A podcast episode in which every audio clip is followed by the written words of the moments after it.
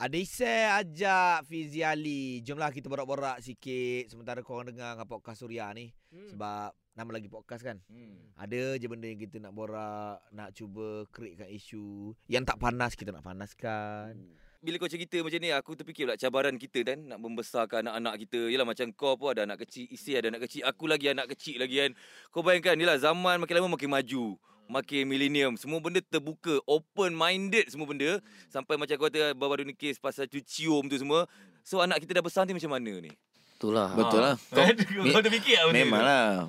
Minta jauh lah dia. Macam tu kan. Tak maksudnya je lah macam mana kita nak handle anak kita supaya tak terpengaruh dengan benda-benda macam ni. Tu lah. Aku ni aku ada anak perempuan tau. Sebab tu lah aku sekarang ni aku cukup jaga orang Melayu cakap apa jangan ngata anak orang. Hmm. Ha, sebab kalau kena ngata anak orang kena kat anak kita sendiri. Ah itu kau kata anak aku. Mana Anak ada? tiri, anak tiri kau cakap. Ada. Itu aku nak ngata apa benda betul. betul juga, betul juga. ha, lepas tu aku aku terus lupa.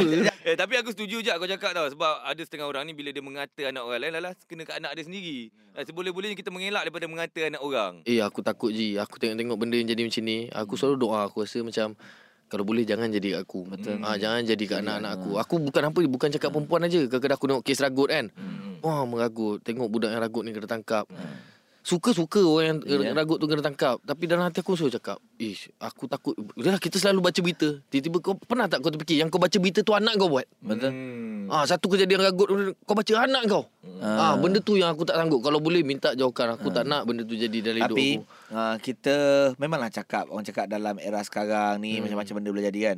Tapi ada satu uh, ada satu baik juga dalam era sekarang ni dah tak ada dah mak bapak yang banding-bandingkan anak dengan anak orang lain aku rasa. Hmm. Ah, betul. Aku rasa macam dah tak ada dah mak, bapak yang kutuk anak orang lain. Aku rasa lah. Kalau ada lagi macam tu. Kalau dulu lah Tahun 80-an 90-an kan Zaman aku Ni Boboy Oh. Boboy sekolah lain ni Tapi duduk satu kampung Ya. ha, Dia dapat urusan cemerlang Kita yang kena sebat Ya. Ah. Kenapa tak jadi macam Boboy tu Ha.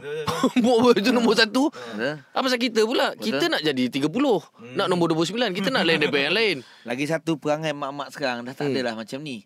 Eh, kau tahu tak anak si uh, Bob tu? ah, tak ada lah. Mem- tak me- memang tak ada say tak ada je. Kebanyakan orang tak cakap depan depan. Semuanya letak kat media sosial. Kau kena tahu benda tu. Mak-mak yang sekarang ni lebih-lebih contohnya kalau uh, macam kau ada anak sekolah kan.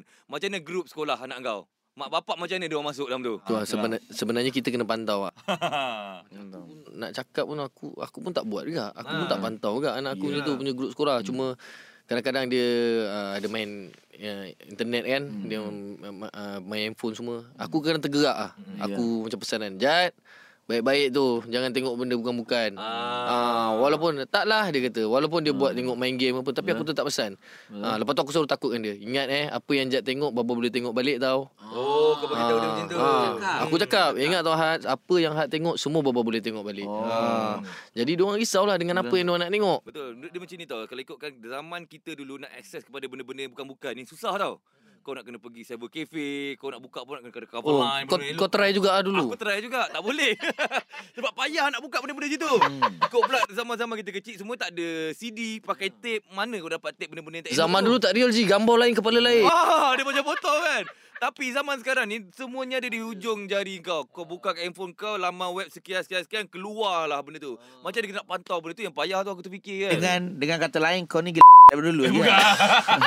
Dengan Aku sekarang. kan? mencuba Mencuba macam mana Boleh ke tidak kan Payah Tapi kalau dekat rumah untuk YouTube kita boleh buat YouTube Kids. Ah, Ah, itu je lah. ah. Netflix pun ada Netflix Kids kan. Hmm. Ah, tapi yang selebihnya kita tak tahulah kan. Aku lebih bukan nak menyalahkan kau. Aku rasa benda-benda ni kebanyakan lah terjadinya disebabkan oleh pengaruh rakan sebaya kau tahu tak sebenarnya. Hmm. Daripada kawan-kawan juga. Sebab contohlah kalau kita dapat kawan-kawan yang baik kan. InsyaAllah kita pun boleh jadi baik juga. Sebab itulah masa aku dulu dia enam, Hmm. kawan-kawan aku bukan sebaya. Aku kawan dengan orang dah habis form 6. Uish, kau, kau dah janam. Takkanlah. Kita tak nak pengaruh rakan yang macam tu sebenarnya. Alamak. Itu rakan tua pula.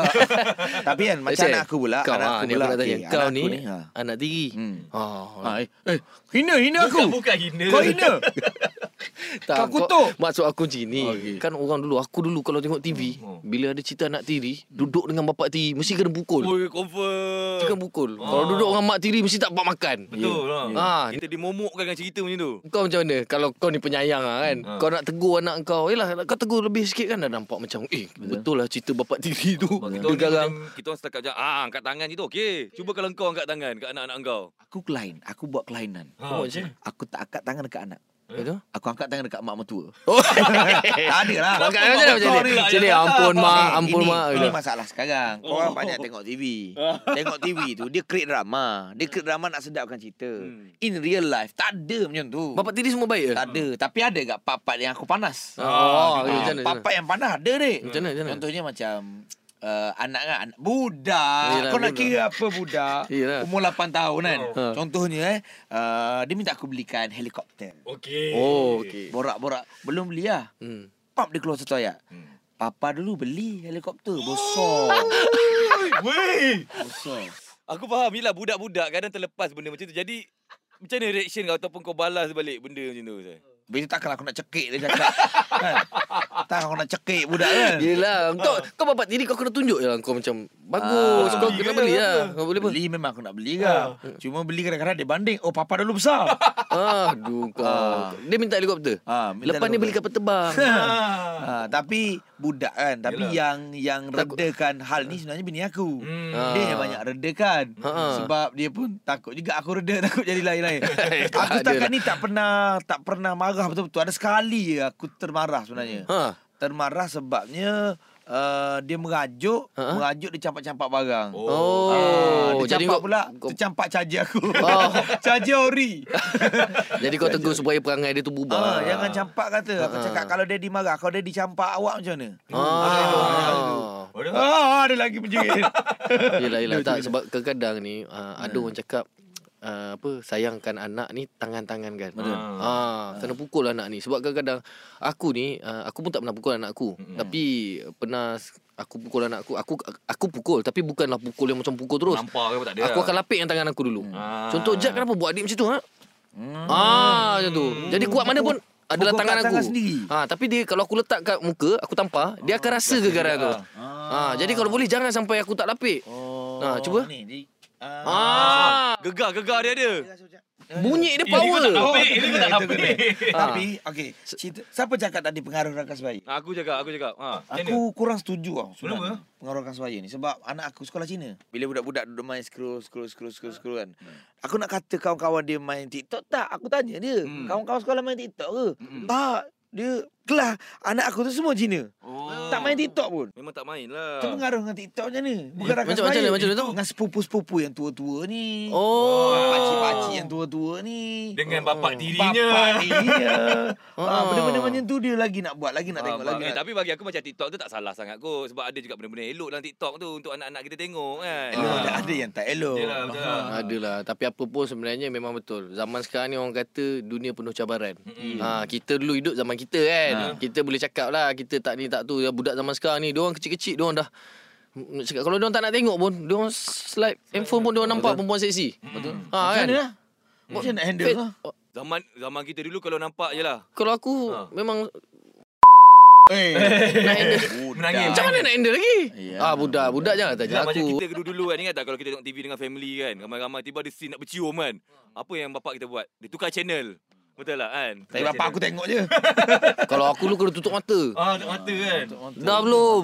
Ah. Dah belum. Hmm, dulu kan Tapi bapak aku tak tahu. Kita anak penuh. Kita memang bakat lakonan ada daripada kecil. Ah. Yelah, Aku tutup. Dah belum Dah belum. Mata buka.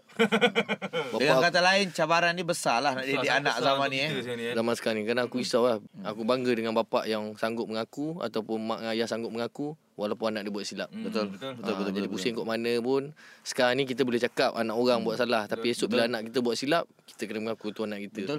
Sebab apa? Sebab kita ni yang dah jadi mak ayah ni pernah buat silap agak dulu. Ah. Ha, kalau kita tak boleh jadi remaja yang baik dulu, Ha, ha. kita jadilah ayah yang baik. Oh Yeah. Allah lah. Ha, inilah tutup dia. Hebat lah Tutup podcast ni. Jadi sebenarnya banyak Ya. lagi kita nak borak. Tunggulah episod lain. Terima kasih yang menonton Kisah penyesalan daripada remaja yang gagal dahulu Ha. Dan masih lagi gagal sampai sekarang kalau ada video blur muka.